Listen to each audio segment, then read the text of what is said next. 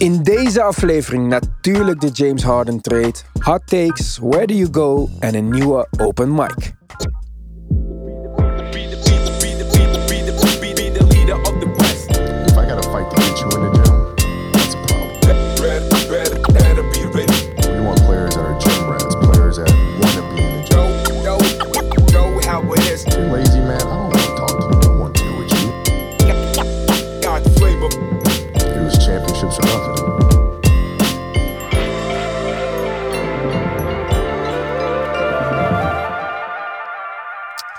Ja, welkom bij een nieuwe aflevering van de Basketball Podcast. Ik moet jullie weer even lastigvallen.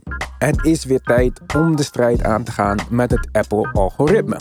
Help ons, Apple, eraan te herinneren dat wij überhaupt bestaan. Ga naar de Apple Podcast app, geef ons een 5-sterren review. Vraag het aan je buurvrouw, vraag het aan je tante. Schakel je hele basketbalteam in. 5 sterren en een paar leuke regels zouden ons echt enorm helpen. En eh, ja, bij voorbaat, dank.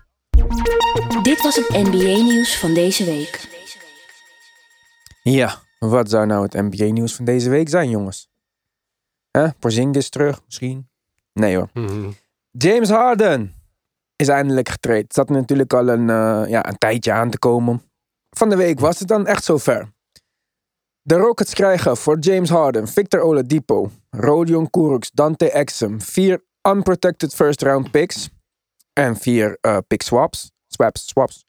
Nets krijgen James Harden, logisch. Pacers krijgen Caris LeVert, een 2023 second round pick.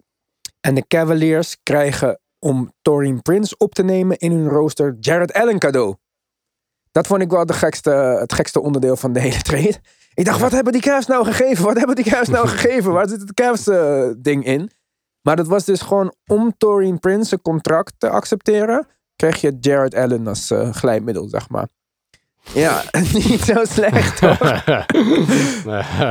En forward is ook precies de positie waar die niet zo dik bezet was bij hen.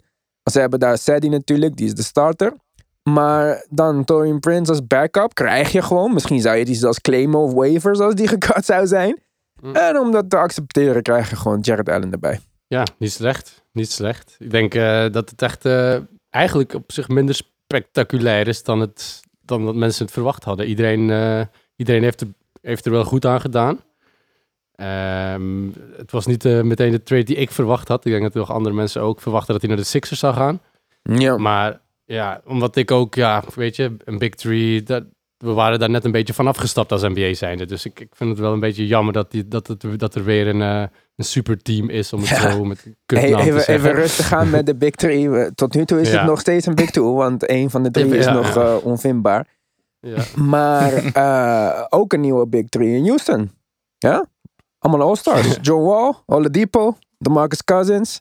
Jongens, Oladipo met nog één jaar contract. Dit wist ik niet.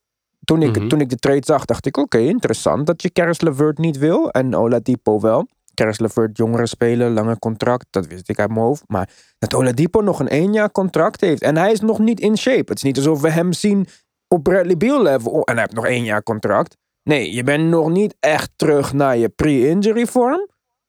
En je hebt nog één jaar contract. Huh, hoezo? Ja, kan je voorstellen hoe hij zich... eh, hij was mede de hele, de hele James Harden trade eh, het aan het volgen. En dan eh, zag je plots dat hij zelf eh, naar de Rockets ging. Kwam je zelf ook pas achter... eh, En alweer stiekem via via uitgelekt dat hij eigenlijk alsnog naar de Heat wil.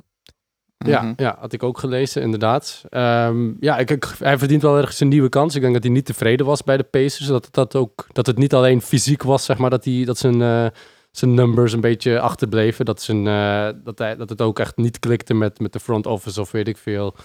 En dat hij, ja, ik hoop dat hij gelukkiger is. Bij de Rockets zou, ja, zou ik even, gaat hij wel opportuniteiten kunnen krijgen. Dat is, eh, dat is zeker. Eh, bij de Heat, ja, ik weet niet of hij beter bij de Heat zou passen. Ik denk dat hij beter bij de Rockets zit dan bij de Heat, eerlijk gezegd. Ja, ik, ik, ik vond hem, eh, ja, ik, ik weet het niet. Ik vind hem niet goed, jongens. Ja, nee, ik, ik vond hem heel goed. Ik vond hem, hij zag er altijd een beetje klein uit voor, zijn, voor wat hij, maar hij, Ja, hij was opeens wel. booming. Ja, en toen ja. was hij nog even goed. Toen raakte hij geblesseerd. En sinds die tijd is hij beter in zingen dan in Ja. daadwerkelijk spelen. Ja, zo'n goede zanger vind ik hem zelfs ook niet hoor. Maar, Ja, eh, hij kan beter zingen dan ik kan in ieder geval. Ja, nee, dus, ook, wel, eh, ook, wel- ook, wel, ik sowieso, sowieso. Maar ja, ik, denk het, ik denk dat er meer aan de hand is dat het niet enkel nog zijn blessure is. Want het is ondertussen toch al... Ja, hij wilde ook weg, toch? Dit waren de rumors al de hele tijd. Hij heeft natuurlijk net als iedereen lekker in het openbaar gezegd, van, behalve James Harden dan, van nee, ik vind het hier superleuk en ik wil blijven. Ja, Eh Pacers kregen Caris LeVert dus en een second round pick. En Mhm. eh, het was even wachten tot al die spelers aan de, aan de bak mochten. En dat wachten was op dat iedereen een medical exam had gehad. Iedereen moest goedgekeurd worden voordat er ook maar één van die mensen uit de trade mocht spelen. En wat bleek nou? Caris LeVert heeft een, ehm, een gezwel op zijn nier. Eh, dat, dat, wil, dat klinkt eh, gelijk heel heftig. En eh, als ik dat nieuws zou horen, zou ik er ook gelijk van uitgaan dat dat het einde betekent. Maar dat hoeft natuurlijk niet. Het kan een go- een goedaardige zwel zijn, het kan een cyste zijn, whatever. Dat weten we niet, we zijn geen dokters. Maar wel pittig. Ik hoop dat het, dat het goed afloopt voor hem en dat het niet iets ernstigs is. Ja, want de Pacers hebben het al een beetje moeilijk, want TJ Warren is nu geblesseerd voor een aantal tijd. Ja. En dan, ze hebben jaar, gewoon, ja. ja, ze hebben gewoon getraind voor Levert over het, voor het idee dat hij zou gewoon gelijk kunnen spelen en een rol kunnen vullen waar Oladipo was. En ja, nu moet je meer minuten spelen met Brogdon, met Sabonis. En die spelen al aardig wat minuten en die hebben, Brogdon vooral heeft niet de beste geschiedenis met blessures. Dus Hmm. het is wel jammer voor de Pacers, want ik dacht dit was wel een goede move. Het is wel een goede move voor hun. Maar we moeten gewoon afwachten zoals Ja. Levert is sowieso een paar weken oud. Dus ja, ik vind dat toch best wel... ehm, dat, is wel dat heeft wel een grote impact op de Pacers. Spacers spelen best wel goed, hè? Met Sabonis en... best eh, wel goed. Ze staan derde, denk ik. Of Ja, maar, ja, Dus- maar ik dus bedoel best wel goed. Je zou denken van oké, als we dan Levert, een nieuwe piece en hebben we nog een paar maanden voor de playoffs. Misschien kunnen we moves maken. Sabonis en eh Miles Turner werken voor het eerst een beetje oké samen. Brogdon speelt fucking goed. Die is echt in de categorie eh, Jeremy Grant, Christian Wood. Van, misschien had je hem niet moeten laten gaan, spelers. En dan hebben ze nog de jonge guys. Dus ja, het ziet er daar heel leuk uit. Caris LeVert erbij was denk ik echt een aanvulling geweest Mhm. iemand die echt dan nog meer zijn eigen shot kon creëren in de halfcourt. En kan eh, open schoten raak schieten. Het was echt een leuke fit geweest. Ja, Maar ook goed. voor hem. Hij had ook denk ik veel gelukkiger geweest Ja, als hij want ik niet denk- van de bank hoefde te komen. En Ja. weet je, een beetje van, ah, kom op, kom op. Hè, je kan, ja, dat is een beetje... eh, Je wil liever starten natuurlijk als je zijn, zijn level van talent hebt. Ja, maar goed, Dus- ook als ik Houston was, had ik misschien liever Levert gehad dan Oladipo. Mhm. Ik weet niet waarom ze voor dit zijn gegaan. Ze hebben in ieder geval een, eh, ja, echt een eh, gigantische aantal eh, picks teruggekregen. Ze Mhm. hebben dus in 2021 eh, hun eigen pick en die van, hoe heet het, van Brooklyn. Ze hebben een Milwaukee pick in 2022. Ze hebben nog vier pick swaps. In ieder geval tot en met 2027 zijn de Nets eh, hun picks verschuldigd. Mhm. Dat, eh, dat, dat doet mij een beetje denken aan eh, Paul Pierce, Kevin Garnett en eh, wie was de derde ook alweer die meekwam? Rondo? Nee. Mm, Williams. Darren Oh ja, Williams. Darren, het was Williams, Darren ja. Williams met Joe Johnson en Kevin Garnett en Paul Pierce en Brook Lopez. Dat ging Ja. helemaal mis. Ze dachten dat het echt de titel was en toen ging het mis en toen waren ze vijf jaar slecht. Toen zijn ze uit het as weer opgekomen als een phoenix en gerezen naar de bovenste regionen van de Eastern Conference. En net op het punt van contention dachten ze, weet je wat? Dat Schudden doen we we nog een keer. Ja, we schudden onze picks weer eens mooi Ja. los. We geven... ze- Ja. Dit is wel een iets andere situatie. Hè? De Garnett Ja, was ja. 35, 36. Paul Pierce ook die leeftijd. Volgens mij toen ze die trade maakten. James Harden is Hmm. 31. Kevin Durant wou het graag. Ook belangrijk. Ja, ja. Maar Ja. goed, dus laten Nee, we eventjes, eh, eventjes focussen op, eh, op, op de Nets. Zij krijgen de beste speler in deze deal. Dat is eh wie's voorkeur, wat dan ook. eh, lijkt mij dat heel duidelijk. Mhm. Eh, is het de beste fit? Dat weet ik niet. Ik heb eventjes een leuke statistiek. Dat is eigenlijk Mark zijn, Ma- Mark zijn categorie. Maar ehm, Kyrie Irving, James Harden en Kevin Durant zijn de meest eh, baldominante spelers. En sta- sta- nee, dat zeg ik al verkeerd. Top 16, meest baldominante spelers alle tijden, kan je deze drie spelers in terugvinden. Ze hebben de hoogste usage rate in de geschiedenis van de NBA. Dus ik praat niet over dit jaar of de afgelopen tien jaar. Van ter aller tijden. Allen Iverson, Kobe Bryant, Russell Westbrook, Michael Jordans. En deze drie spelers staan nog in de top 16. Dus dat wordt best wel vrij lastig. Ook als je het bekijkt qua Big, big Three staan zij dik bovenaan. In alle andere Big Threes was er een Kevin Love of een Chris Bosh. Die ja, genoegen nam met in de hoek staan en drie punters nemen. Ik denk Mhm. dat dat dus nog een vrij lastige fit kan worden. En ook heb ik ze gisteravond gezien Hmm. tegen All-Star Center Nikola Vucevic. En eh, die had eh, bijna een eh, career high tegen hun. DeAndre Jordan en Jeff Green op de vijf. Ik weet niet eh, of dit genoeg gaat zijn als je tegen een beat moet spelen ooit op je weg naar de finale. Of tegen die Pacers met deze big man en zo. En dan in de finale moet je dan gaan spelen tegen wat? Tegen Jokic, tegen LeBron en AD. Eh, ik denk dat ze wel eh, nog een paar gaten moeten dichten. Daarom heb ik een leuke Mhm. trade bedacht. Om ook wat picks terug te krijgen. Treden wij eh, Kyrie Irving voor Al Horford en vier first round picks. Let's go. Kan dat salary gewijs? Ja, vast hebben wel. We toch, kunnen eh, nog iemand erbij doen. El Horford krijgt 24, 24 of zo. Uit mijn hoofd zegt hij het allemaal. Kyrie krijgt eh, eh, 30 plus. Maar gooi El Horford, gooi er nog ja. iemand bij. En OKC heeft een shitload aan picks, toch? Ja. En die zijn toch niet aan het contenden. Dus of Kyrie nog even wegblijft of niet, maakt niet uit. Stuur hem op een cruise. Eh, Als hij terugkomt, zien we het wel weer. Maar eh, ik denk dat met El Horford zijn de Nets gelijk eh, een stuk beter. El Horford kan nog best even één of twee jaar spelen. Dat is toch alle tijd die we hebben voordat James Harden weer verdwaald raakt ergens in de stripclub. dus, maar ja, het is een, het is een grappige trade. Het gaat natuurlijk nooit gebeuren. Maar ik, ze hebben echt El Horford-achtig iemand nodig om... Ja, dit- wordt hem niet, jongens. DeAndre Jordan, ik zag hem gisteren. Jeetje mina. Ik dacht, hij is tenminste nog een levend lichaam, zeg maar. Die kan vechten in de Nou. post. Maar dat is hij niet echt. Nee, nee, nee. Hij is eh, net als Harden, eh, team bierbuik. eh, ik weet niet, hij ziet er ook gewoon niet meer, niet meer zo scherp uit als vroeger. hij is echt een, een, een two-trick pony. Hij kan gewoon rebounden, blocks, eh alley-oops vangen. Maar vangen. verder, ja, verder, verder, dan houdt het een beetje op. En toen ik, toen ik de trade hoorde, ik, ik, eh, ik, ik zag het helemaal niet voor me, de fit. Maar ja, ik begin nu wel een beetje te keren, eerlijk gezegd. Defensief, daar heb je helemaal gelijk in. Dus ze gaan alle drie sacrifices moeten maken. En ik denk dat ze dat gaan doen in, in de categorie eh, defensieve verantwoordelijkheid, zeg maar. Want als je met drie superstars op het terrein staat en het gaat defensief niet goed, kan je niet naar andere wijzen. Dan moet je echt zelf de, de verantwoordelijkheid opnemen. Maar ja, ik zie het ergens wel, weet je, James Harden in die... Kijk, als LeBron James en Kyrie kan werken, dan kan James Harden als, als LeBron, zeg maar, fungeren. Die Kyrie af en toe de vrijheid geeft om, om gewoon één tegen één te gaan. Kevin, Durant, Kevin Durant, die, kan, die past gewoon overal in. Dus offensief was ik eerst niet overtuigd, maar ik- ja, ik, ik zie het nu wel een beetje. Ja, maar en kijk, eh, James Harden kan misschien eh, qua paas en zo eh, LeBron James-achtig zijn. En ik wil niet nou de LeBron James-verdediger zijn. Maar LeBron James is Kyrie's papa. Je moet gewoon luisteren naar wat papa zegt. James Harden gaat Ja, hem niet sturen. Kyrie- Kyrie, luister, Kyrie zag hem niet als papa. Dat heeft hij letterlijk, letterlijk in een interview gezegd. Ja, Eh, maar ja, hij moest toch Maar- doen wat LeBron want kijk, zei. toen hij daar hij doet wat LeBron zei, maar ik denk dat, dat James Harden ook wel diezelfde gunfactor heeft, zeg maar. Dus dat hij, Hmm. hij, gaat, hij wil niet meer 35 punten gemiddeld scoren. Hij wil gewoon winnen. En ik denk dat hij ook gewoon... Eerst zien, hij, zei- hij zei ook letterlijk van Ky- Kyrie, als je tien keer naar elkaar wil aanvallen, doe maar. Ze kunnen alle drie catch and shoot spelen. Dus dat, daar, daar gaat het ook. Dat is ook al een Mm. unicum, zeg maar. Een big three die echt zo goed catch and shoot kunnen spelen allemaal. En ja, ik, ik weet niet, ja.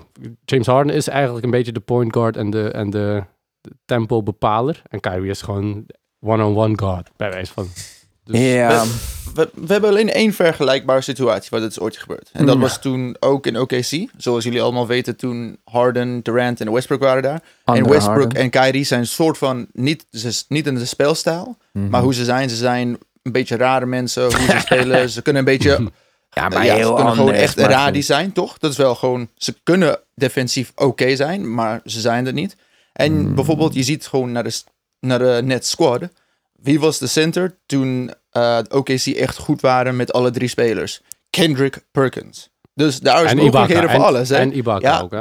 Ibaka Ja. was er wel. En dat snap Ibaka ja, was toch kijk, Defensive Player of the Year? Of eh, heb Ja. ik dat Hij was vergeten? in de running met vier bloks per, per wedstrijd. Ik denk dat was ooit eh, in de quiz van David. Ja, Maar wie gaat dan... dat het kan, zolang dat je hebt... En die OKC-team was niet echt super sterk defensief. Die, die jaar toen ze in de finales waren gekomen.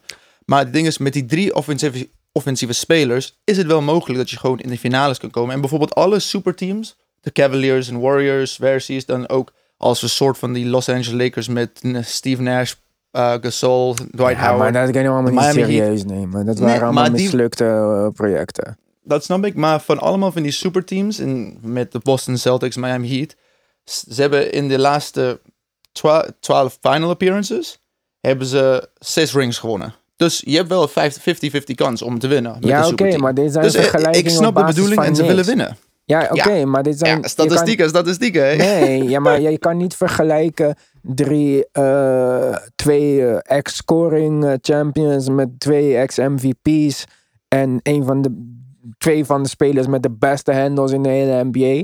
Met een Boston Celtics team waar we in all defensive backbone hadden in Kevin Durant met de, hoe heet die Paul Pierce, de Truth eh, en eh, Rondo en Allen. Het zijn hele andere Ja. fits. Deze fit is niet zo logisch op papier. Nee, In dat, eerste instantie. Dat, dacht ik in eerste instantie, maar ik kijk- heb ze natuurlijk nog niet samen zien spelen. Maar Ja, James gisteren Harden toch? is echt maar ja, wel... gisteren hadden ze Nee, geen Kyrie één was- play samen ook. Ja, maar Kyrie, gisteren... was, Kyrie deed niet mee. Nee, oké, maar Kyrie eh, Dus- gaat niet terugkomen. Maar gisteren Ja. hebben ze dan wel gespeeld bijvoorbeeld. Ik heb de hele wedstrijd gezien. Maar ze hebben Mhm. niet één offense set gerund. Het was gewoon... eh maar dat is Of ook Harden logisch, hè, dat kan niet. Of Je kan- Harden pick and roll, of KD, take it. En, ja, en is ook... KD Ja, heeft maar- geen, eens geen- KD heeft geen eh, screens nodig of zo. Die kan KD, gewoon over iedereen En heen ik, schieten. eh, ik, versch ik verschoot me eh, ongeluk als ik zag dat hij al 39 punten had in het begin van de, van de vierde kwart. Dus dat, dat ging eigenlijk vrij... Ja, maar Smooth, tuurlijk. echt. Ja, maar het zijn supersterren. Kijk, eh, wat ik ook van James Harden vind, hij kan scoren. Dat is niet, ik heb nooit gezegd dat hij niet kan scoren of niet een goede offensive player is of zo. Hij is gewoon fucking goed daarin. En samen met KD, dit zijn misschien twee van de top vijf scorers all time in de NBA. Ja, maar Mhm. niet alleen scoren. Harden is gewoon echt een floor general. Hij gebruikt die screens. Hij, hij, hij, hij he makes sure everyone eats. Hij, geeft- hij geeft de pas vaak in naar de, naar de rollende Mm. center. Hij gaat naar de basket. Hij vindt KD die wide open staat aan de driepuntlijn. Dat zijn dingen die, die veel point guards, zoals Kyrie, dat doet hij niet. Eh, zelfs Damian Lillard, die, die doet zo'n dingen niet. Dat, gewoon dat is het issue. Wie is de point creëren. guard? James de point Harden. guard James is Harden. Kyrie. Nee, niet waar. Dat James gaat Harden, Kyrie niet, James niet Harden, leuk vinden. James maar hoe Harden is weten we point dat? guard. We hebben dat helemaal nog niet gezien.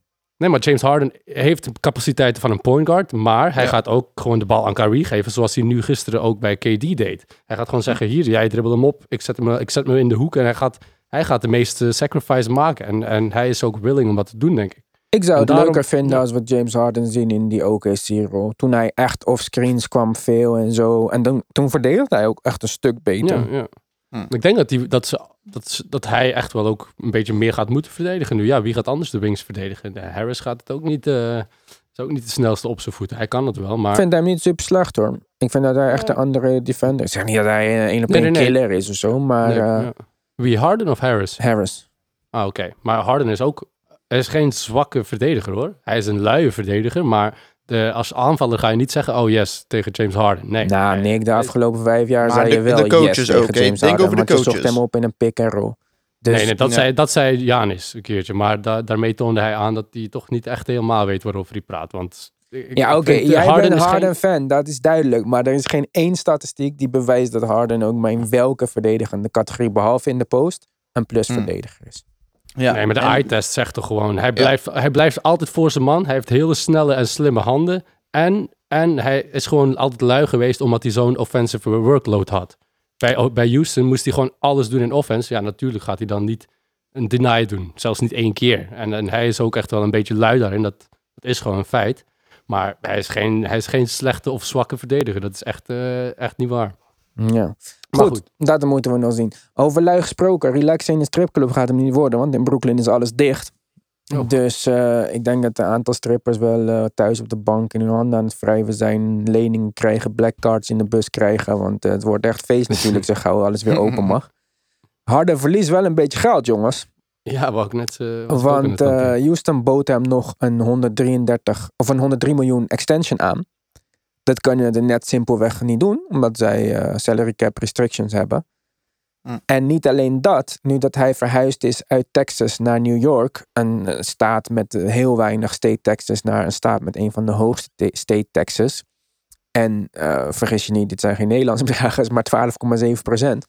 Maar Toch? dat komt hem wel uit op 13,6 miljoen de, de komende jaar. 13,6 miljoen extra. In Houston betaalt hij 3,26. In eh, New York gaat hij 16,89 betalen. En wij hebben het altijd over gigantische bedragen als we het over spelersalarissen hebben.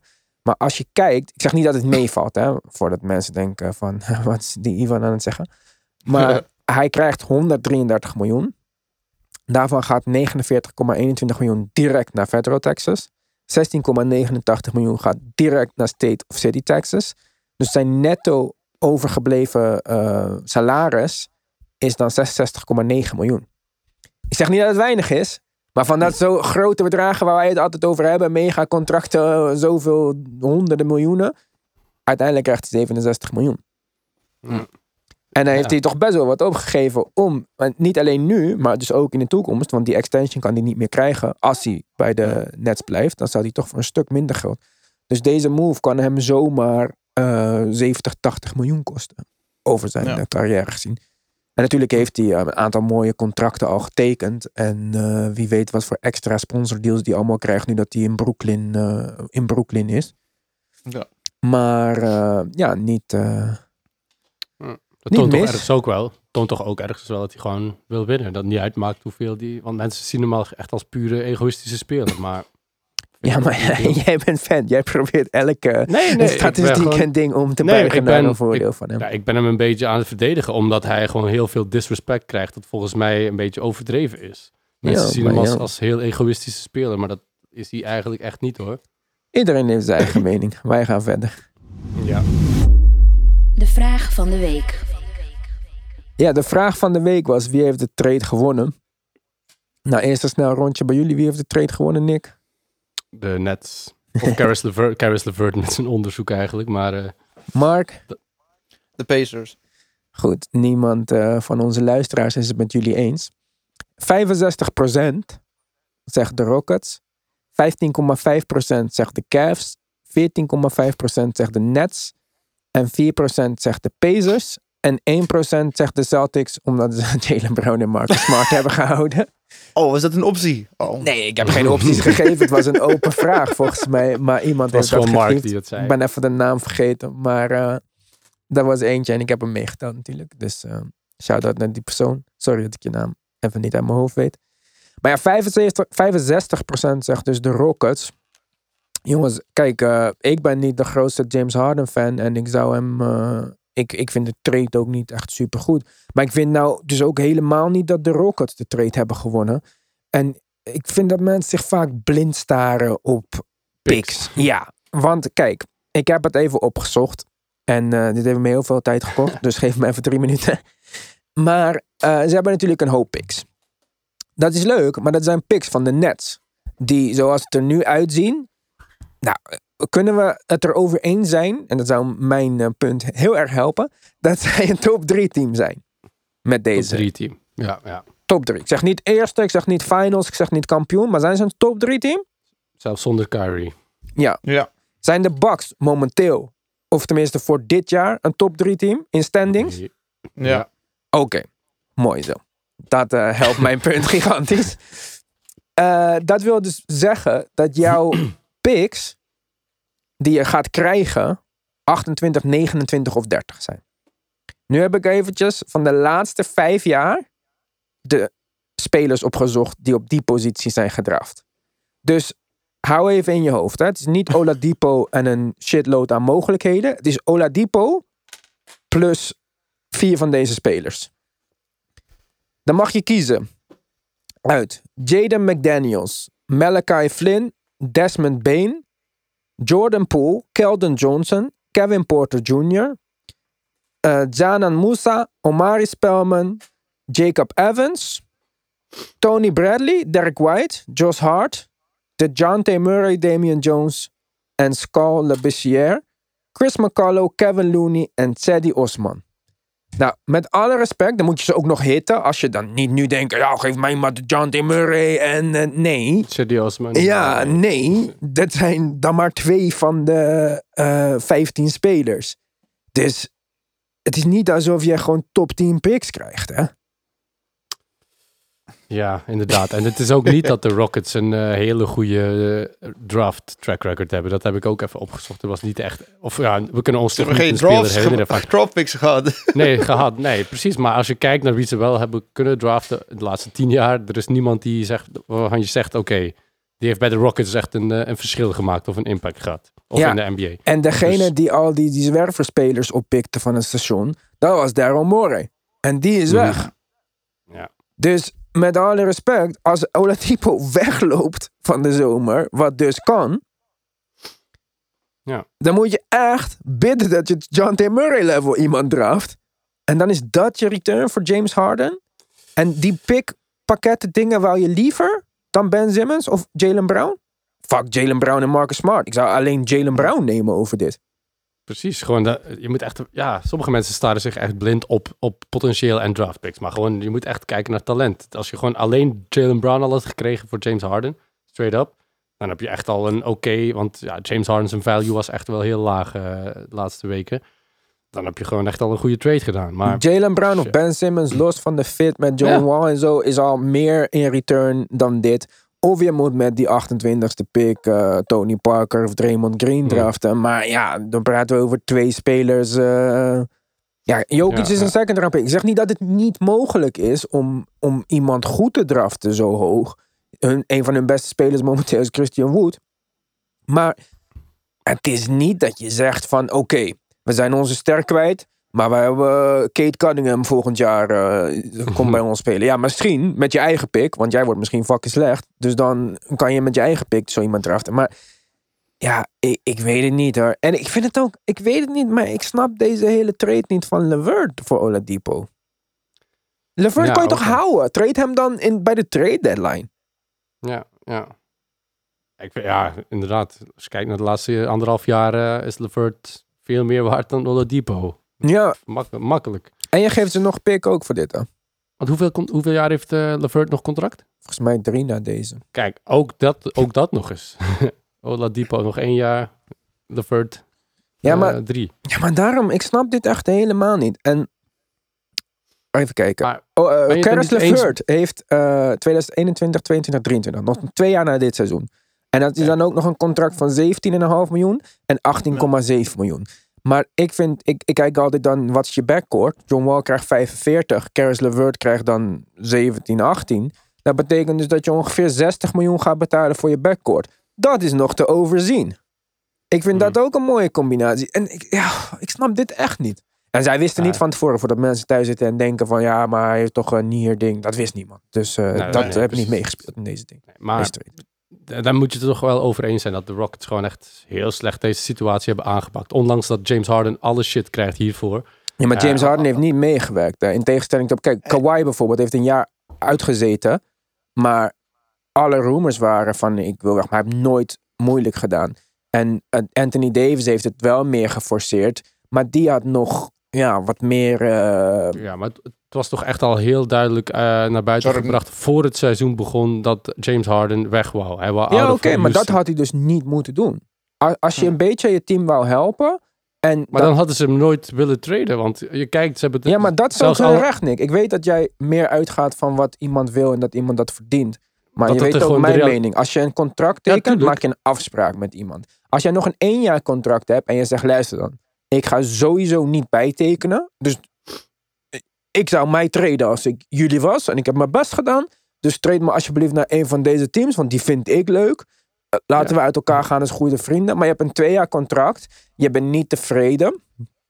Ja, daar ben En dan ga je gewoon naar de club. Kijk, ik vind dat helemaal gewoon eens, niet, helemaal eh, eens, het is maar, niet chic. maar het is niet chic en het zou ook niet mogen en het zou ook een trend moeten worden in de toekomst dat het gewoon dat de contracten gerespecteerd moeten worden, maar Gaat niet gebeuren. het is niet, Player- het is niet player- gewoon, ja, het is, het is gewoon niet de realiteit. Het is gewoon als de speler niet gelukkig is en hij wil niet spelen daar, dan moet je hem ook als team niet willen, vind ik. En dan moet je gewoon zeggen van oké, we maken er het beste van. En dat hebben ze ook tactisch niet goed aangepakt bij, eh, bij Houston, vind ik. Dus Maar jongens, de enige, het enige verschil in Houston de laatste seizoenen is de nieuwe eigenaar. Iedereen die er was, is weg. Dus misschien moeten we eigenlijk kijken wat de eigenaar is. Hij heeft bijna geen geld, zoals we hebben een paar afleveringen ge- Nu eh, heeft hij bijna gesproken. Hij heeft een hele grote lening. Nu. Met heel veel- heel, ja, precies. Maar we moeten even kijken, wat is, wat is het verschil tussen de oude Rockets, met de oude eigenaar, en wat is het verschil met de nieuwe? Met de nieuwe is niemand daar gebleven. Chris Paul wou weg. Westbrook wou ook weg. D'Antoni wou weg. Maury wou weg. Precies. En James Ja. Harden. Dus daar En moeten we weet je wat eigenlijk ook kijken. grappig is? Ik denk, Iedereen mocht weg, behalve James Vertel. Harden. Ja, maar, weet, ja, maar iedereen had een aflopend contract, hè? J- eh, Ja. Russell Westbrook ook? Nee, Russell Westbrook, die, maar Russell Westbrook Die wou pas weg nadat James Harden weg wou. Alleen Ja. die, die zei gewoon gelijk, ik wil ook weg. Ik wil Dat was gelijk, ja, dat was een beetje gelijkertijd, denk ik. Ja, Maar maar goed. volgens mij was het eigenlijk eerder die rumor van Harden. En toen dat We- Westbrook dat dacht, dat hij dacht, nee, fuck it, ik wil eerder weg. Maar trouwens, eh, Westbrook, eh, daar gaan we het nog even later over hebben. Daar heb ik nog iets leuks over te zeggen. Maar eh, wat wel spreekt voor Harden, hè, voordat eh, ik weer eh, shitload aan, eh, je bent een hater dingen over me heen krijg deze week, daar heb ik geen tijd voor. Zowel Dan Tony, zijn oude coach, als Daryl Morey, zijn oude GM, wilden hem bij hun nieuwe team hebben. Dus zo belachelijk klootzak kan hij ook weer niet zijn. dan, Ja, toch? Natuurlijk. En ja. Durant ook. En Durant ook. KD, ja. Ik, ik vond al van in de Ja, oké, tijd. maar hij wou ook Westbrook. Dus dat, eh, misschien Nee, nee, nee, mooie nee. herinneringen van vroeger Durant. in deze tijd. Nee, maar eh, Harden wou dat jaar daarvoor ook met Westbrook spelen. En volgens mij hebben die nu al een tijdje geen contact meer met elkaar gehad. Maar het is wat het is. Wij gaan eh, verder met de volgende categorie. Ja, jongens. Portland Trailblazers. Yusuf Nurkic. Rechterarm gebroken. Minimale hersteltijd, acht weken. Loopt dan niet eh, gigantisch soepel bij de Blazers. Ik zei nog voor het seizoen, ze hebben alle moves gemaakt die ze nodig hadden. Ze hebben zich versterkt op de wing. Dat was hun zwakste positie. Nurkic is terug. Ah, jongens, ik weet het niet hoor. Maar eh, het loopt voor geen meter daar. Ze staan wel vijfde in het westen trouwens. Het is niet alsof ze onderaan de NBA staan. Maar mm, waar moet... Ja, de categorie zegt het. Waar moet het heen eh, met deze Blazers? Same shit, different year. Elk jaar eh, Ja. la- er lijkt het alsof Nurkic gekwetst raakt, eh, geblesseerd raakt. En ik, ja, de oplossing is gewoon heel eenvoudig. JaVale McGee. Die moeten ze gewoon erbij halen. Ze moeten een big guy hebben, dat is gewoon duidelijk. Waar is McGee nu? Bij de Wizards of zo? Cavs, bij de Cavs. Oh, Cavs. De Cavs hebben big guys in overvloed. McGee is, ja... Maar haal maar Drummond dan. Kan dat? Is dat contractueel? Ja, ik weet niet, die een verdient iets meer dan McGee. Drummond. Ja, die verdient eh, iets te veel, denk ik. Dus eh, haal of... ja, ze hebben sowieso een big guy nodig. En en ik denk, kijk, de Portland Trailblazers, de Trailblazers hebben de laatste vijf jaar altijd een, een grote logge big guy gehad. Misschien moeten ze eh, voor een, voor een Collins gaan, die gewoon ook offensief wat talent heeft, zeg maar. Dus dat die ook wat, wat als bliksem afleider kan dienen voor McCollum en, en, en Lillard. Dus Maar ja, of, wat vinden we dan van Lillard en McCollum? Is dit, moeten we niet een keertje proberen om eh, misschien... Kijk, we gaan Lillard niet treden. Dit eh, snap ik heus wel. Maar ja, ja, maar ze hebben nog contract, Ivan. maar, we kunnen, ja, we kunnen treden. Ja, nee, precies. Maar eh, het is, ja, ik, zou McCollum treden bijvoorbeeld. Ik zou dit backcourt, dit mini-mini backcourt die niet kan verdedigen, opbreken. En ik zou eh McCollum treden. Ja, Niet omdat voor, ik eh, hem... voor een wing of voor- voor een wing die wel kan verdedigen of voor een getalenteerde big guy? Pff, nou ja, getalenteerde big guys zijn er niet echt voor dat oké, bedrag. ik ga zelfs- niet ik dra- ik ga niet McCollum treden voor eh André Drummond. Dat eh, wordt Nee, hem niet. ja, dus noem mij een big guy die 30 miljoen verdient. Dan kan ik wel ja of nee zeggen. Porzingis is niet op de markt. Ja, Tobias Harris. ja Ja, maar kijk, Horford. Zou niet... ik denk dat Horford een goede fit zou zijn met Damian Lillard. Alleen, je gaat niet McCollum opgeven voor Horford. En ik weet ook niet of de Thunder zitten op, te hoor. wachten op eh, McCollum. Wel, ik zeg niet dat McCollum niet goed genoeg is. Maar ik bedoel, wat, wat heeft dat voor nut? Dat ze McCollum hebben. Ja, superleuk. Gaan we nog steeds kijk, denken. Dus, eh. Het is gewoon elk jaar- en een bier. Wat zeg je? als, we ze met, als ze met de 76ers zouden treden. Ja, maar wat moet moeten ze geven dan? Nee. Ja, je moet wel... Kijk, de, is, de issue met Portland is niet de offense. Want daar zijn de laatste paar seizoenen in de top 5, top 6 geweest. Elke jaar. Ja, behalve als het in de playoffs in de laatste vijf minuten is en iedereen op deze fucking planeet weet dat Damian, Ro Damian Rollert, Damian Lillard pick and roll gaat spelen. en we kunnen hier gewoon op plannen. En je weet ook dat als Damian Lillard niet pick and roll gaat spelen, dat CJ McCollum pick and roll gaat spelen. Ja, het gaat gewoon 1 tegen 1 zonder pick Ja. Dus dat is- maar Ja. wat denken we dan bijvoorbeeld? Kijk, stel je voor dat wij de, ook een speler die ik helemaal niet goed vind, maar oké. Wat als we CJ McCollum traden voor Pascal Siakam? Dan hebben de Raptors wat shot creation, wat ze echt, echt, echt missen. En dan Mhm. hebben de Blazers een big man die niet 15 keer per wedstrijd die spin move hoeft te maken, maar gewoon ook een beetje eh, kan eh, eten van zijn teamgenoten. Ja, eten van zijn teamgenoten. Ik, ik vind eigenlijk, want ik was er vandaag nog over aan het nadenken. Lillard is eigenlijk, hij, hij ziet zichzelf echt in dezelfde klasse als Steph Curry, maar hij creëert niet zo vaak voor anderen, eerlijk gezegd. Dus ik weet niet of Siakam Hij creëert zoveel, als eh, Westbrook zelfde gewoon. eh, alleen dan Westbrook doet het in ja. zijn eentje. Hij doet het met pick and roll. Maar Lillard Ja. kan niet off-ball spelen. En ik heb dit al 20 mil triljard keer gezegd. De reden dat Ja, hij- Curry zo bijzonder is, is die Warriors offense. En dat Steph gewoon off-ball Mm. cut, screen. En nee, Steph is gewoon ook een betere passer. Steph kan spelers gewoon open spelen. En dat doet Lillard nooit. Hij kan gewoon een paas geven die voor de hand ligt. Maar Curry En- die kan passes geven die, waardoor iemand plots helemaal vrij staat. En vergeet niet dat Lillard is ook gewoon klein. Hè? En je kan Mm. zeggen het scheelt maar een paar centimeter. Maar ga maar met een paar centimeter kleiner drijven naar binnen. En dan over mensen heen kijken en passen Ja. naar buiten. Het wordt gewoon lastiger met, met elke Mhm. centimeter die je mist. En Lillard is ook 31. Ja, en hij gaat pas een 30, nieuw contract 30, beginnen zometeen. 30. Ja, Hij is 30. ik ben niet een super eh, fan van. eh, ik vind Damian Lillard heel goed. En eh, ik mag hem ook en zo. Ik heb niks tegen hem. Alleen dan Damian Lillard en CJ McCollum wordt me sowieso al te veel. Er is ook geen Mhm. line-up, defensive of offensive, ehm, die super goed werkt met hen twee. Het is ook logisch, Ja. want ze doen precies hetzelfde. Dus eh, oké. Maar ik. Ja, Waarom, waarom niet proberen met een Horford bijvoorbeeld? Het is gek hè, maar ja, maar dan dus ze moeten moet toch je- gewoon eens wat anders proberen. Ja, maar het en zou- Horford, als Horford wordt gekat, zou ik dit zeker proberen. Maar ga je CJ McCollum traden voor L. Horford? ik zou, ik zou het durven doen. Gewoon om, om, om wat anders te proberen. Zetten, dan heb je een positie vrij om een goede verdediger in te schakelen. Die kan dan de wings verdedigen. Horford is echt een, een, een veteran, echt een slim Maar speler. besef dat als je CJ McCollum trade voor Horford, Ja. dan... Want Horford en... eh, nee, want Lillard en McCollum doen bijna hetzelfde. Ze kunnen één tegen één scoren. Ze kunnen wel een pick-and-roll Ja. gebruiken. Ze kunnen schieten van overal. Ik denk, Ze zijn geen elite passers, dus ik denk dat waarom heb je er twee dit? Ik denk dat de Thunder dit niet doen. Gewoon precies omdat ze McCollum niet nodig hebben. En ze, zien hem ook niet per se als trade asset. Aan de andere Ah, kant, kijk, want zij moeten dan ook picks geven bij eh, Horford om voor McCollum te traden. Je gaat niet als Portland zeggen, fuck it, McCollum, eh, Horford één op één. Dat, dat, dat geloof ik echt niet. Ze zien value om McCollum wel hoger. En zijn waarde in de league is gewoon hoger. Dit is niet, eh, dit is geen Maar zie je, geen, zie je Shai, Shea niet in combinatie met McCollum? Shea is niet echt die shooter. Shea kan wel ja, maar andere ik zie spelers Thunder open niet in spelen. combinatie van contender. Thunder zijn in Nee, asset zijn ze eh, ja. collection mode. En Ja. ik denk eerder dat ze nog eh Horford gaan flippen voor twee second round picks en dit en dat. En dan gewoon gaan focussen op de draft en bouwen rondom Shea. Maar niet nu Mm. met Shea. En McCollum is niet... Kijk, toch- als ja. McCollum 23 is of 24, dan zou ik zeggen, oh zeker weten. Maar McCollum is win now mode. Is gewoon een speler Ja, voor nu. Want ze moeten toch een keertje beginnen met hun assets om te zetten. Ja, maar niet toch met een speler die zeven jaar uit elkaar zitten. Dat, dat, zo bouw je niet.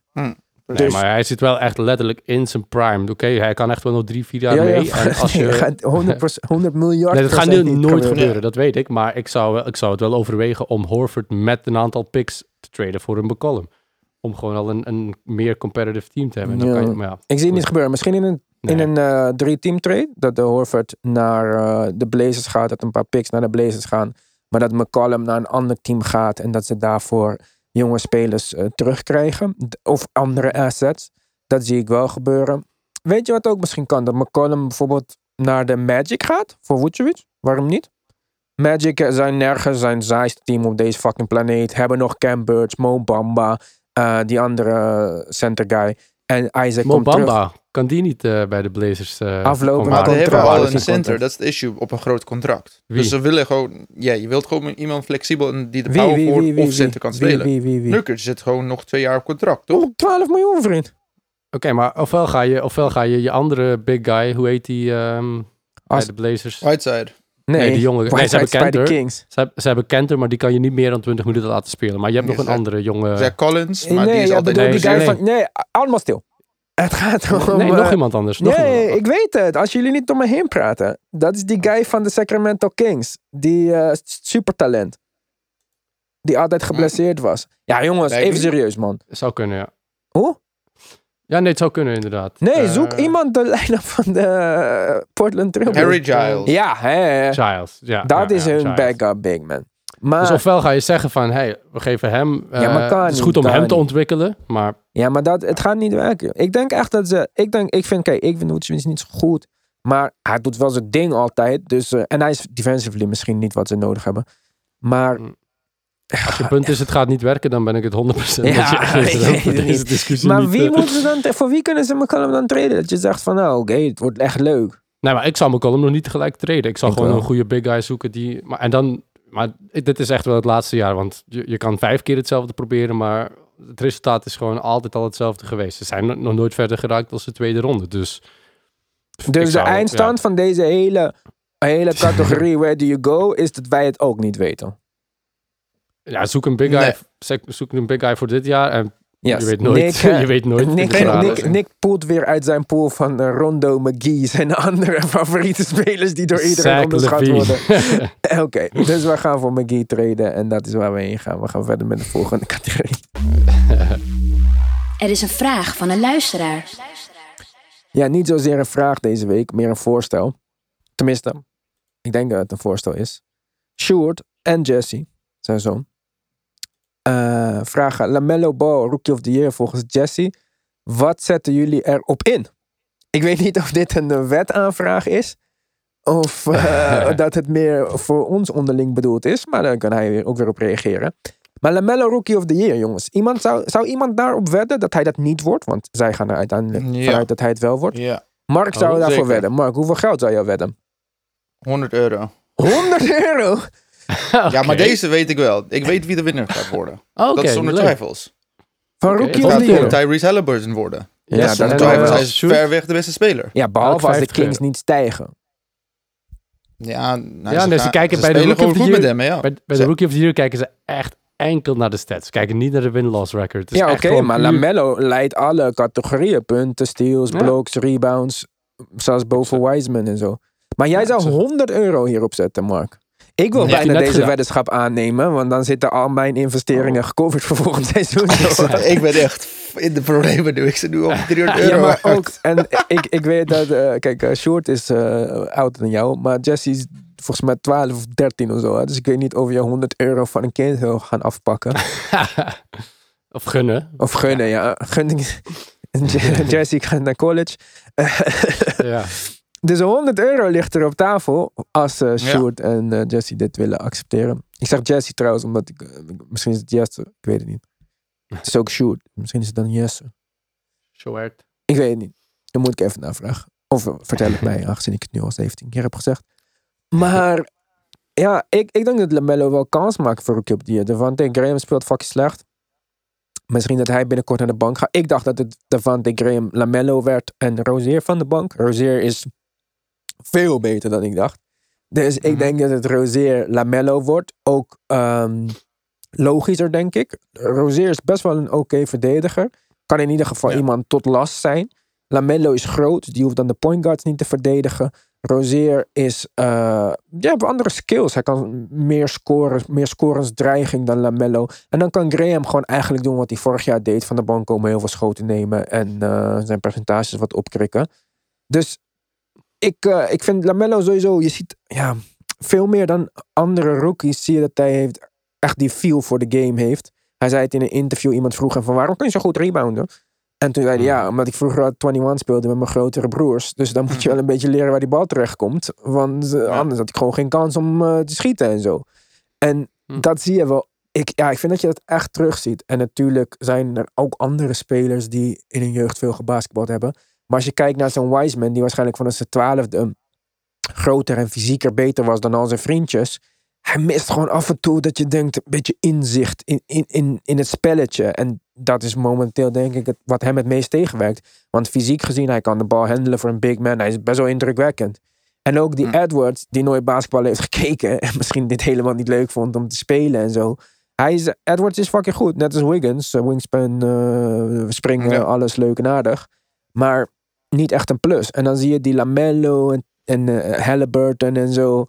Ja, die spelen gewoon al alsof ze die shit gewoon snappen. Alsof ze tien jaar in de NBA zijn.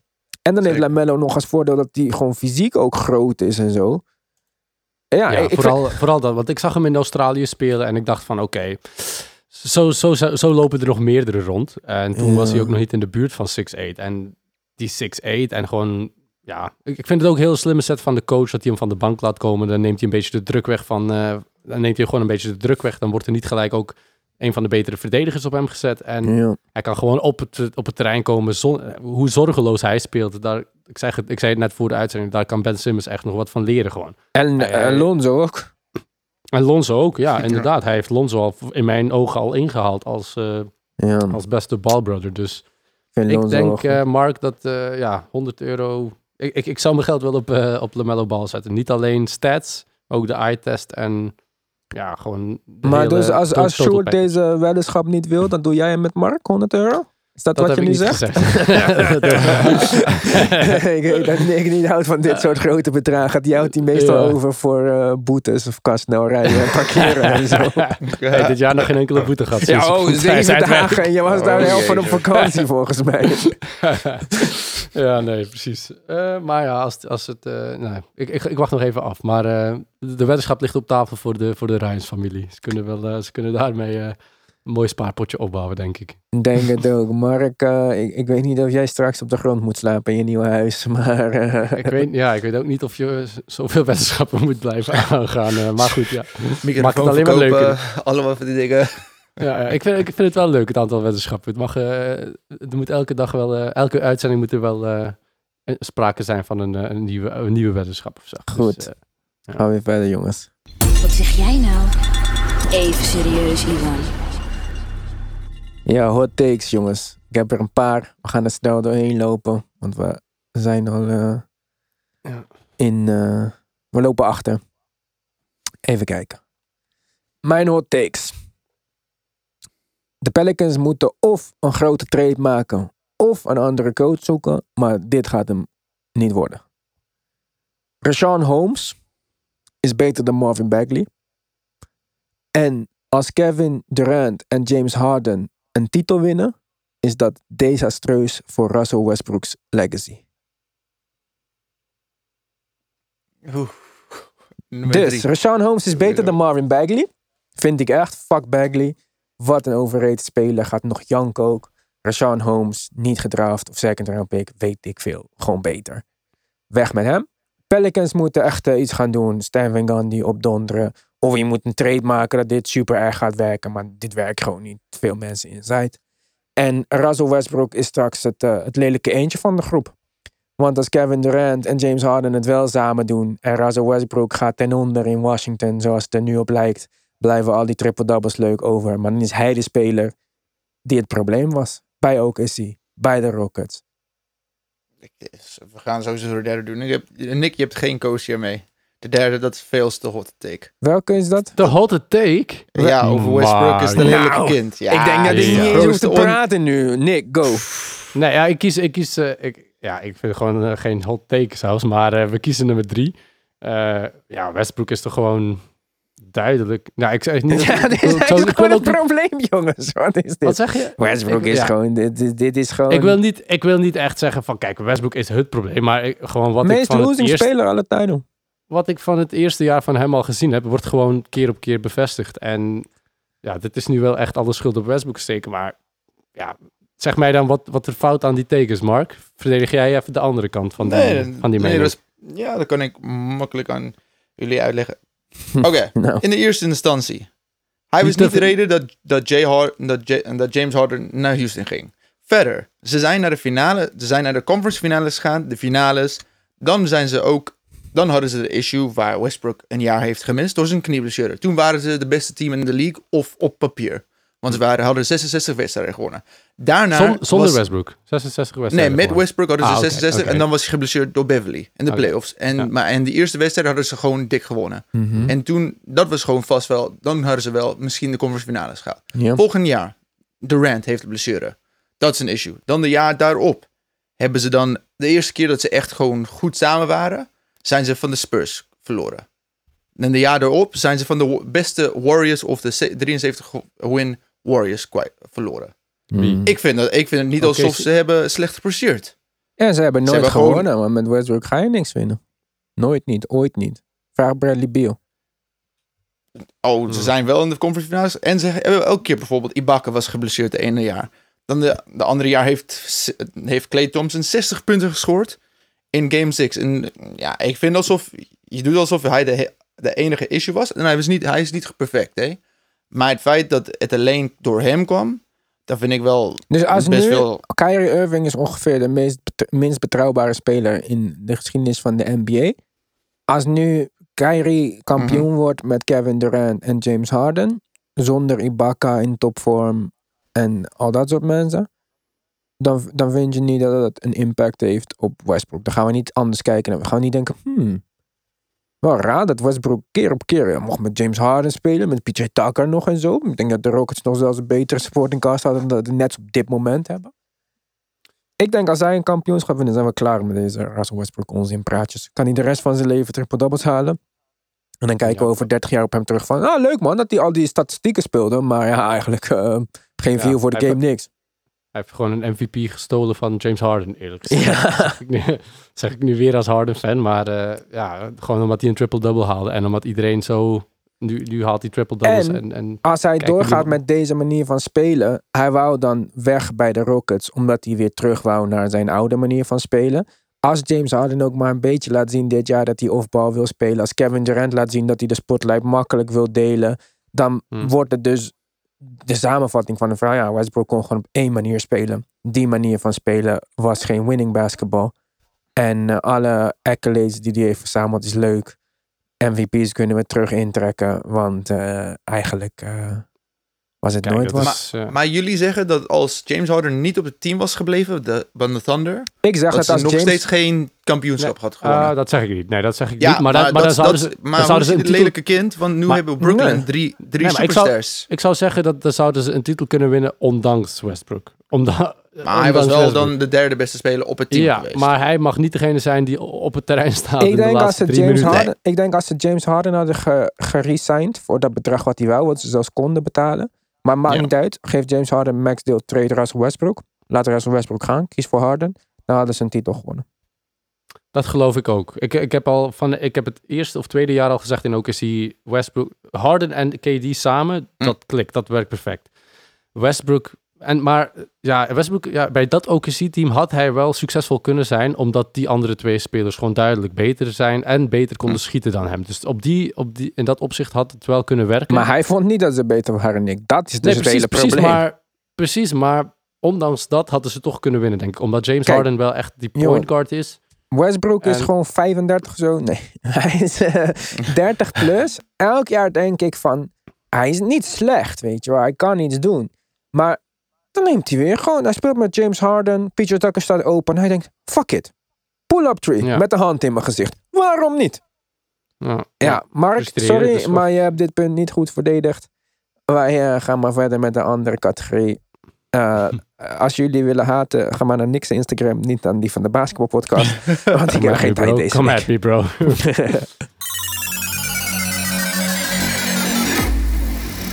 Welkom bij Open Mic. In deze open mic categorie krijgt een luisteraar 16 bars. Dat is ongeveer 1 minuut voor zijn of haar take over de NBA. Elke week op een nieuwe beat. Rijmen is niet verplicht. En vandaag hebben wij in de aflevering Sjoerd. Welkom. Hallo allemaal, beste luisteraars. Uh, mijn naam is dus Sjoerd. Ik ben uh, 23 jaar, basketballiefhebber en uh, luister eigenlijk al sinds het begin van deze podcast naar de basketbalpodcast. Nou, dat is natuurlijk het allermooiste van je hele verhaal. Maar uh, hoe lang luister je, of hoe lang volg je al NBA? Um, NBA, dat is denk ik een beetje sinds 2012, 2013, een beetje die LeBron James uh, Miami Heat dagen. Oh, dus jij zit een beetje in kamp Karim, uh, Lakers, LeBron nu deze dagen, of niet? Nou, niet per se eigenlijk. Ik, ik heb niet echt een hele sterke voorkeur. Ik, um, er zijn gewoon sommige spelers waar ik graag naar kijk. Sommige teams die leuk basketballen. Maar ik ben niet heel erg verbonden aan een team. één team. Ik vind het altijd wel leuk als um, de, wat, de underdog zeg maar wint. Dus afgelopen finales had ik graag uh, de Heat zien winnen. Maar helaas. Laten we dan maar snel beginnen. Jij krijgt van mij één minuut. Je krijgt een beat. En eh, je mag zeggen wat je wil. Dus ik ben is helemaal goed. En eh, je hoort de beat vanzelf. Dus dan eh, mag je beginnen. Alright. Komt je aan. Nou, waar ik me aan dood erger inmiddels bij de NBA, dat zijn die lege zalen en alle nep fangeluiden. Toen in eerste instantie eh, de NBA weer terugkwam, was ik al lang blij genoeg om weer basketbal kijken. En nam ik de lege arena's uit maar verliefd. Dat had er ook wel een beetje mee te maken dat eh, ja, er stond veel op het spel. Einde van het seizoen, begin play-off. Elke wedstrijden waren de, ehm, ja, de, de stakes waren high, zeg maar. Ehm, ja, nu heb ik toch wel, als je dan zo'n vrij kansloze pot zit te kijken tussen twee teams die helemaal nergens aan meedoen, ja, dan haak ik toch al wel vrij snel af. En dat was voor het publiek erbij niet. En ook, dat zat ik een paar dagen geleden, nu ik dit inspreek, toen scoorde Steph Curry zijn 62 punten. En als je dan die highlights kijken, dat is wel vet natuurlijk. Maar dan kan ik alleen maar denken, hoe ziek was het geweest als daar wel publiek bij was geweest? Ik, eh, ik wil jou bedanken dat je een van onze eerste gasten bent in Open Mic. Ja, graag gedaan. Eh, bedankt voor het luisteren ook sowieso. En veel kijkplezier het aankomende seizoen. Ja, dankjewel. Jullie ook. Ik vond het leuk om hier aan mee te doen. En ik hoor mezelf eh, vanzelf wel een keer terug in de podcast. ja, komt goed. Dankjewel. Alright. Hey, ciao, ciao. Ja, toch. Een beetje slechte verbinding, maar shout-out naar Stuart sowieso. Nummer 2 van onze open mic categorie. Wil jij meedoen aan een open mic? Ga dan naar onze Instagram, de basketbalpodcast. Stuur een DM met het onderwerp waarover jij wil praten. Dan gaan we dat regelen. Shout-out naar Iwan op de Beat. Hele andere persoon natuurlijk voor die dikke beats elke week. Ja, toch. maar goed, ja, jullie kennen mijn positie. Ik ben het helemaal zat. Ik kan niet tegen nepgeluid. Ik vind het fucking verschrikkelijk. Laat maar dan gewoon alles horen wat de spelers zeggen. Ik weet dat dat weer niet mag, omdat ze bang zijn dat ze gaan vloeken en zo. Mijn beleving, ik moet je eerlijk zeggen, nu dat het al zo lang is, ik, ik kan me bijna niet meer herinneren hoe het was met het publiek. Ehm, het wordt wel iets beter. Toch vind ik de stadions waar wel een beetje publiek zit, zoals de Rockets en de Jazz, alweer een stuk leuker. Het lijkt erop dat dat ook weer teruggedraaid gaat worden, want het wordt alleen maar heviger in eh NBA met corona, Mark. Kijk, de issue, ik vind het natuurlijk niet leuk dat er geen fans zijn. Maar de issue is, we zien ook dat de spelers niet eens helemaal de regels kan volhouden. Dus zeg gewoon, we laten gewoon 5000 fans daarin komen. Dan heb je gewoon nog groter issue. Dat ze gaan bijvoorbeeld aan het eind van de wedstrijd gaan wachten totdat eh, iemand in zijn sleeve gaat gooien of zijn schoenen gaat geven. En de issue is met corona, in de laatste, hoeveel jaar, in de laatste 57 jaar van de NBA zijn er 21 wedstrijden. Ja, geplaatst. 57 jaar corona. wat? 57 jaar. Zijn alleen 21. Er zijn, vast, zijn wel een paar wedstrijden die zijn veranderd gewoon door sneeuwomstandigheden. Maar door echte omstandigheden dat niet gerelateerd aan het klimaat zijn, zijn alleen 21. En de, feit is dat binnen drie weken van, vier weken van de NBA hebben we al 13 wedstrijden eh, postponed of eh, moeten we reschedulen. En deze week alleen maar, of sinds ik heb gekeken vanochtend, zijn er 26 spelers die in de COVID protocol zijn. Ja, ik snap, je kan geen fans dan binnenlaten. En dat is de grootste issue. Oké, maar kijk, ik heb, een, ik heb een ander voorstel dan. Ja. Ik zit even snel op mijn rekenmachine te typen. Er zijn 29 miljoen mensen in eh, Texas. Ja. Er zijn 3,5% van de mensen gevaccineerd in Texas. Dat zijn, oh, zijn maar hmm, niet genoeg mensen. 1 miljoen mensen, oh trouwens, 1 miljoen mensen. Bro, 1 miljoen mensen zijn gevaccineerd in Texas, man. Ik dacht even duizend. Maar 1 miljoen mensen zijn gevaccineerd in Texas. Dus kun je hoor toch 10.000 mensen vinden die voor 10 dollar naar een Rockets-wedstrijd willen, of niet? Als je gevaccineerd wil, is geen stress, toch? Dat is toch waar. Er moet toch geva- gevaccineerd worden allemaal, omdat dan is opgelost. Dus er zijn al Nee, 1 want miljoen dan mensen. ben, je nog, dan ben je nog steeds besmettelijk en zo. Dus dan moet je nog steeds mondmaskers dragen. En ja, ze Hoezo? kunnen zichzelf... Ze kunnen, ze Als kunnen jij gevaccineerd bent, kan je het toch niet krijgen? Als je gevaccineerd bent, dan kan je het niet krijgen. Maar je kan het wel doorgeven. Ja, je kan het Wie wel, zegt dat? Je kan het wel krijgen, maar je, bent, je lichaam is gewoon gewapend om te vechten tegen corona. Dus dan ontwikkelt het niet Je- in je lichaam. De hele Precies, idee van de dus hebt vaccinatie is dat je het af kan vechten. Je hebt antilichamen. Dus het virus komt op jou. Je lichaam zegt, Ja. fuck deze bitch. En weg met haar. Maar- en, Ja, maar dan heb je het nog steeds wel. En dan kan je het nog steeds wel doorgeven. Ja, maar zet gewoon grote glazen platen dan voor oude spelers. Net als bij ijshockey. Voor het publiek. Net als bij, Bij ijshockey. ijshockey, ja, maar ze ja. kunnen elkaar in ieder geval niet doden. En er Ja. zijn dus al 1 miljoen mensen. En dan kan je gewoon... Kijk, niet dat alle 1 miljoen Texanen bijvoorbeeld naar de, naar de Rockets willen. Maar dan zeg Nou, je gewoon, nou, 15 dollar. In plaats van eh, 100 dollar, weet ik veel wat een kaartje kost. Beter dan niks. Ik snap het nu. Mensen met vak. Ik vind eh, binnenkort eh, gaan we gewoon allemaal zo'n vaccinatie eh, paspoort krijgen. En eh, als je dat hebt, dan moet je gewoon vrij zijn om te gaan eten in een restaurant en eh, om naar een basketbalwedstrijd te gaan, toch? Maar hier, de issue is bijvoorbeeld dat we weten niet wat de vaccinatie gaat doen. Dat heeft niet helemaal goed getest. Bijvoorbeeld in, we Noorwegen zijn er, in Noorwegen zijn er al 30 mensen doodgegaan die de vaccin hebben genomen. En er zijn alleen vaccin? Ik wil 5 ook het miljoen vaccin. mensen. Ik wil die in mRNA. Noorwegen. Ik wil dat ze mijn hele DNA aanpassen. En, en mijn mRNA. precies. ik vind dit geen goede oplossing, jongens. Ja, daar gaan we in de toekomst wel naartoe, denk ik. Gewoon eh, vaccineren. En, en als je geen corona wil krijgen, ja, oké, dan moet jij maar thuis blijven. Maar voor de anderen, wie gevaccineerd is, prima. Wie niet gevaccineerd is, eigen risico. En eh, voor de rest, ja, als je die wil krijgen, dan ga je maar thuis moeten blijven. Want om het duur, ja, er is anders echt geen einde in zicht. Verre van. Als dit, want ik was echt best teleurgesteld toen ik hoorde, als je het vaccin hebt gekregen, dat je nog steeds virus kan doorgeven. Dus dat je nog steeds mondkapjes moet dragen en al die shit. Dus ja, in de toekomst gaat het daar toch wel naartoe gaan. Vaccineer je als je het niet wil krijgen. Wil je niet Ja, vaccineren? maar, Eigen risico. Deal with it. Dus ja, maar dan, als, we, als, het, als dat dus een vaccinatie niet betekent dat, eh, dat, dat je uiteindelijk niet eh, die, die, dat virus kan Immuun overdragen, Hm. dan, dan zou ik niet weten waarom mensen zouden laten vaccineren. Wat is dan de reden voor jou Ja, of mij om me te laten vaccineren? Ik geloof niet dat ik hier dood aan zwak ga of zo. De enige reden waarom ik me zou laten vaccineren is dat ik zonder stress bij mijn vader toe kan of zo. Of naar andere oude mensen. Dat ik gewoon eh, hun niet in gevaar breng. Dat is mijn hele reden. Het enige wat mij bang maakt van dit. eh, ja, precies. Het is gewoon een zwak, zwak vaccin, eerlijk gezegd. Maar ja, het is, het is al iets. Het is een eerste stap. Maar, dus geen, maar- als we geen publiek krijgen, dan, maar dan kunnen we nog twee jaar zo doorspelen. Want ik, snap- ik weet niet wat er dan allemaal moet gaan gebeuren. Dan moet iedereen gevaccineerd zijn. Dan moet het virus helemaal de wereld rond zijn gegaan en dus niemand meer besmet hebben. Dan zijn we echt anderhalf jaar verder of zo. Dus gaan we anderhalf jaar lang zo spelen en dat wedstrijden En worden gecanceld. En als iemand in contact is geweest met iemand zijn kapper waarvan de nicht het had, dan moeten we in een corona tracing protocol. Ten- En dan gaan we niet meer ten- spelen. Ja, tenzij er genoeg mensen toch een vaccin nemen. Maar dat gaat ook niet gebeuren, denk ik. Er zijn ja. heel veel mensen die dit nooit zouden willen nemen. Dus dat, dat gaat ook weer een extra probleem zijn. Dan gaan ze maar, Maar- buiten spelen in de zomer. Ik ben zat, man. Er moet een beetje mensen Oh, bij die- zijn. In de zon. Hup, Bij- naar Ghana. Nou, dat is niet chill, man. Buiten spelen is echt... eh, Ah ja, het is wat het is. Gaan we Ja. weer verder. De statistiek van de week. Let's go, Mark. Ja, we gaan eh, vandaag over Nikola Jokic praten. Hij is momenteel bezig met een triple-double per wedstrijd gemiddeld. En van die triple-double 10 assists. Mhm. Nikola Jokic heeft al, als hij dit volhoudt, dan zal hij vier van de beste zes seizoenen ooit hebben voor een center qua assists. Denken jullie dat hij nog steeds 10 kan volhouden dit seizoen? Ja, boeit me niet. Jawel. En- ja, niet interessant. Triple-double, dus eh, MVP-level of niet? Eh, maar jongens, ja, wat vinden jullie dat hij 10 staan ze in het assists... Westen, Wat, wat vinden jullie dat hij 10 assists gemiddeld kan doen? Interesseert ik mij niet of hij het Een er 70 bijzondere statistiek. Nee, Ja. ik vind dit helemaal niet bijzonder.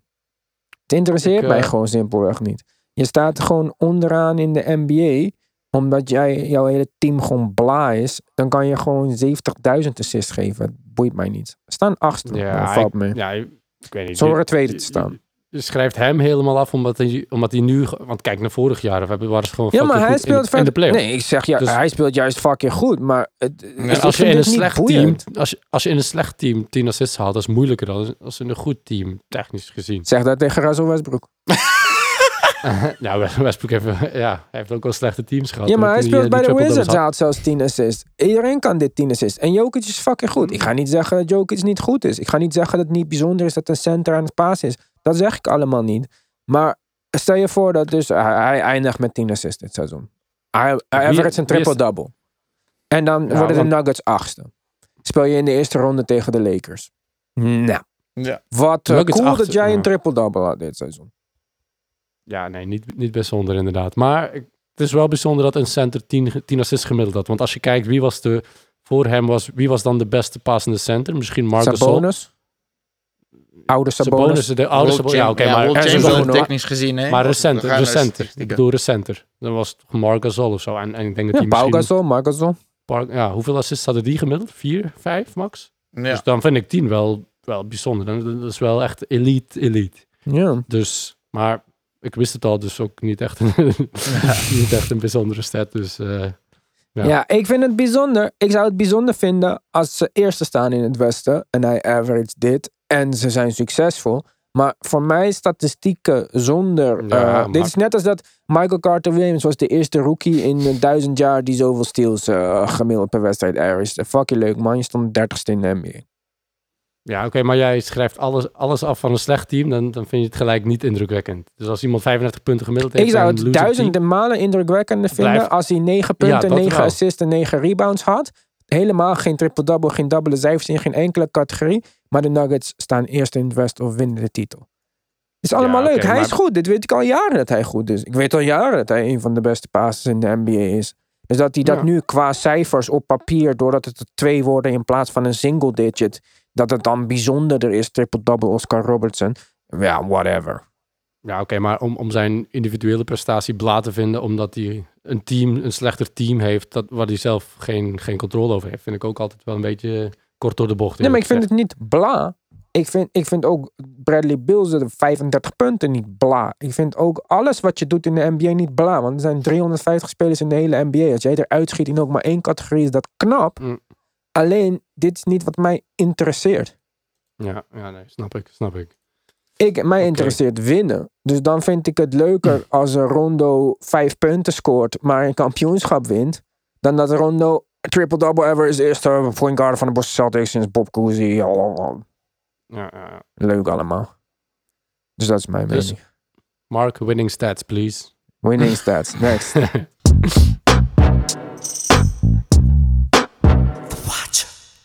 De Watcher, jongens. Onze categorie waarin wij wedstrijden aanraden voor jullie om te kijken. Deze week mijn Watcher-wedstrijd is aankomende zaterdag. Jullie hebben nog even de tijd om dit te plannen, om je slaapritme om te gooien. Het is drie uur s'nachts, Nuggets at Suns. Waarom gaan we die kijken? Suns zijn best wel leuk. Een paar wedstrijden al gecanceld, dus je moet blij zijn als je ze een keer kan zien spelen. Chris Paul, Devin Booker, Aiton, die beter is dan wat de media blijkbaar vindt. Ik las dat hij up-and-down seizoen heeft. Ik vind dat hij eh, sterk verbeterd is. Maar goed. Eh, Nuggets, we hebben het net al over ze gehad. Jokic, triple-double machine. Dit moet je zien. Eerste center sinds eh, Will Chamberlain, die triple-doubles en eh, dat soort dingen. Ja, dit is mijn wedstrijd van de week. Nick heeft mijn andere wedstrijd gestolen. Dus jij mag Nick. ja, ja, ja, nee, inderdaad. Woensdag om 1 uur spelen de Sixers tegen de Boston Celtics. Eh, Eastern Conference, ja, het zijn echt wel de toppers. Als je houdt van defensief basketbal ook. Als je zegt van, hey Nick, ik moet wel uh, donderdagochtend werken. Nou, geen probleem, want vrijdagnacht spelen ze opnieuw tegen elkaar. Vandaar heb ik deze wedstrijd gekozen. Dus vrijdagnacht om 1.30 uur kan je, kan je ze alsnog zien. Uh, dus twee kansen om die twee teams tegen elkaar bezig te zien. Uh, ja, beter wordt het niet toch in het oosten. Mark? Bij... Ja, op dinsdag heb, kan je ook de Nets tegen de Bucks kijken. En ik ben echt uh, benieuwd hoe dat gaat uitvallen. Misschien, Kyrie is ook misschien wel terug, hebben misschien, ze gezegd. ja. Ja, maar dat is beter dan dat ze niks over hem weten. Ja. Dus daar moeten we positief over zijn. We weten waar dus hij hoor... was. Hij was op een feestje ja. van zijn zus. ik ja, maar hoe die... weten ze? Dat is het verschil. Ja, ik hoorde dat die vorige wedstrijd gisteren ook al wou meedoen, maar nog niet mocht, zeg maar. Omdat hij, hm. zo gezegd, volgens het team nog niet klaar zou zijn na zo lang niet te spelen. Dus een beetje team decision. Dus ja. dat vond ik wel leuk. Ook de boete en de, ja, was gewoon gerechtvaardigd, toch? Die, uh, de P, P Ja, 50.000 uh, euro boete, ga weg, joh. Ik zou gewoon 50 miljoen boeten. Of een schorsing, een gro grote schorsing, dan ga je het niet 1, 2, 3 doen. Ja, ik weet niet. Als hij wordt geschorst, dan krijgt toch zijn zin. Hoeft hij niet te basketballen. Ja. Maar kijk, ja. hij was op een verjaardag, jongens. Kom op. Hij zei Thomas, de zus was dood. Hij ging huilen in de wedstrijd en hij stond er nog. Deze jongen wil naar een verjaardag. Twee weken niet spelen. Kom ja, Caruso, had, Caruso had zijn zusjes uh, trouwen ja, gemist. Gewoon maar kijk, en ja. dit... Oh, ja, goed. ja. We hebben een lange uitzending vandaag. Wij zijn er volgende week weer. In de tussentijd, alsjeblieft, 5 sterren review. Schrijf ook een review. Zet hoe leuk je ons vindt. Ja, toch? Of zet gewoon niet over jezelf. Dat maakt niet uit. Maar uh, het helpt ons echt. Die Apple mensen zijn irritant, man. Je kan nog duizend luisteraars hebben, maar als jij jullie niet uh, laten weten dat jullie ons leuk vinden, dan komen wij niet in die aangeraden dingen. Zakken wij weer op ranglijsten. Wij vinden gewoon dat wij die nummer 1 positie verdienen. Wil je meedoen aan open mic? Stuur ons een DM op de Basketball Podcast. Instagram en de basketbalpodcast. podcast. Eh, wil je e-mailen, kan dat ook naar de basketbalpodcast.gmail.com. Maar verwacht een lange tijd voordat je een antwoord krijgt. Dus- ja. Oké jongens, bedankt voor het luisteren voor vandaag en tot de volgende keer. Ciao, ciao.